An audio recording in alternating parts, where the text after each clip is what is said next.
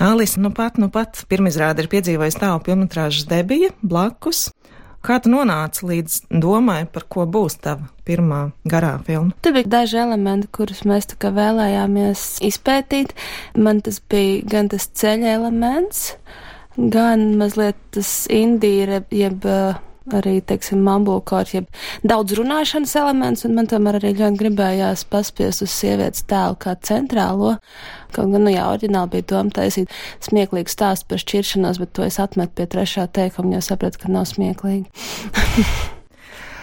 Tā bija mikrobudžeta filma, un cik ļoti šāds ierobežots budžets ir ietekmējis filmas veidolu? Pirmkārt, filmēšanas rādījus līdz ar to apauga ļoti to Rīgai.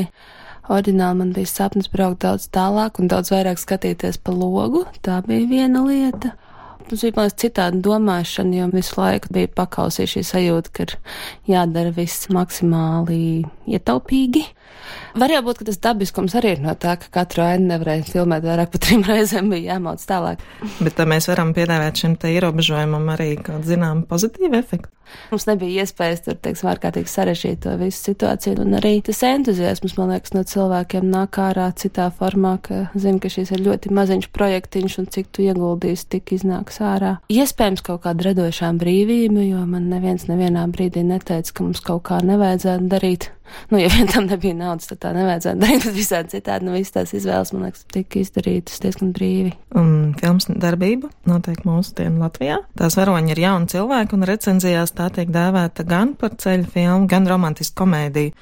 Un šī it kā vienkāršā kombinācija ir sastopama visai reti latviešu kino. Kādu žanru tavuprāt pārstāv blakus un kādu žanru mums pietrūkst latviešu kino? Mēs nesaucam um, blakus divos vārdos, kas, manuprāt, šī filma ir. Viens ir Indija, jo būtu jocīgi Latvijas vidē lietot vārdu neatkarīgais kino, jo domājot Indiju, mēs tiešām domājam par tām mazajām amerikāņu filmiņām, kas iet uz neatkarīgiem festivāliem un, un it kā ir tā alternatīva lielajam kino, kas, nu, Latvijā nav gluži tāpat, bet, teiksim, citas Indija filmas varētu būt par iedvesmu šai filmai. Un otrs ir dramēdija, tāpēc, ka šis vārds mūs visus vēl varētu nedaudz mulsināt, kas ir šis apvienojums no drāmas un komēdijas. Tie būtu tie divi žanri, ko es liktu klāt. Un viegli nepareizais, tomēr saprotamais un cilvēciski vienkāršais kīnā ir kaut kāds salīdzinoši neaiztikta lieta Latvijas vidē. Es uzreiz atvainojos tajā filmē, kur es noteikti aizmirsu šajā brīdī.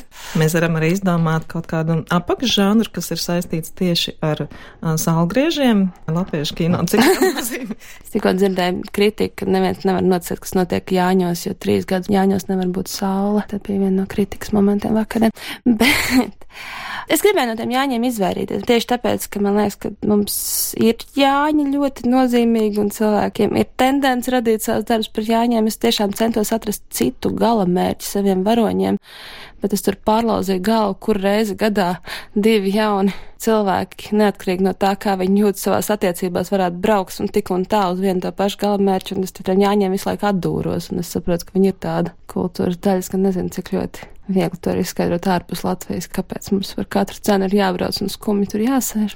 Bet jā, mums noteikti ir jau tāds subžānrs, man liekas. Mm, filmai bez diviem galvenajiem varoņiem ir vēl vesela virkne kolorītu personāžu un tipāžu. Vai rakstot scenāriju, jums jau bija kaut kādi prototipi šiem tēliem? Dažiem bija. Daži radās kā prototipi paši sev. Manuprāt, Ulda Rudaka Mārta ierosināja nenopietni. un tad viņš likās, bet kāpēc nē? Man šķiet, ka Gata Malika varonim es teicu, lai viņš domā par dāvi kaņepi. Piedāvā. Tie bija tādi dzīves tipāži.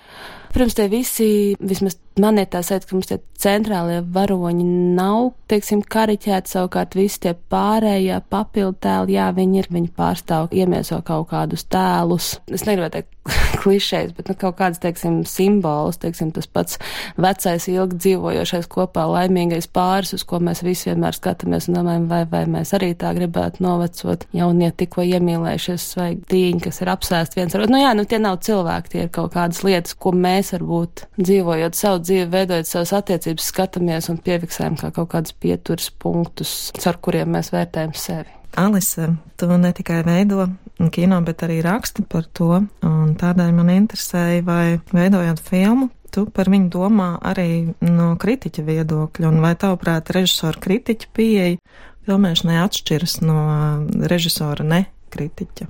Nu, man šķiet, ka pirmkārt tiešām tas ir kritiķis sliktā nozīmē, kas man vispār neļāva sākt, nu, tā kā rakstīt vispār, jo bija tas iekšējais, kurš, kurš, kurš nemaz nemēģina, šis ir briesmīgi. Tikko Polijas festivālā bija brīnišķīgs padoms, ko jautāja gan operatoram, ko darīt, ja ir radošā krīze, viņš teica pazemināt savus standartus.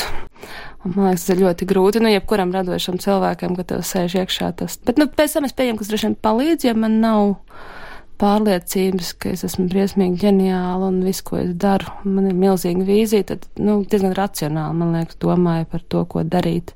Varbūt kritiķis iekšā nedaudz traucē skeptisko, cinisko attieksmi no otras puses, viņš tikai sagatavo. Nu, vienīgais cilvēks, kas varētu par šo filmu uzrakstīt patiesi iznīcinošu kritiku, šo filmu ir uztaisījis. Es nezinu, vai tas ir labi vai slikti, bet es zinu, ka tā kā es jūtos par to savu darbu, nu, citi ir maigāki pret mani, jā. Un blakus varoņu piedzīvojumi ir gana normāli un atpazīstami, lai ar tiem spētu identificēties plašs skatītāju lokus.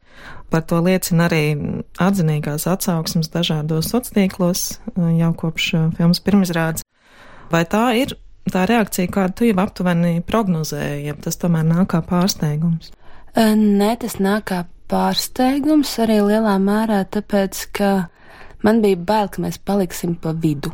Nu, tādā ziņā, ka man liekas, ka mēs neejam tādā izteikti jampadricīgas komēdijas stilā, un mēs neveidojam ārkārtīgi nopietnu, daudzslāņainu nezinu, dziļu kīnā, bet uh, tas uzstādījums bija tas vieglums, bet man bija bail, ka viņš nu, aizķersies pa vidu, respektīvi, ka vieniem tas būs par drūmīgu, un otriem tas būs par vieglu un, un varbūt, varbūt virspusēji. Tā tās bija mans lielākās bailes.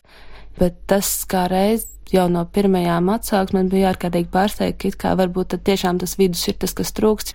Un domājot gan par šo, gan par taviem nākamajiem darbiem, kādi ir tavi lielākie izaicinājumi kino? Sākt. Tā ir.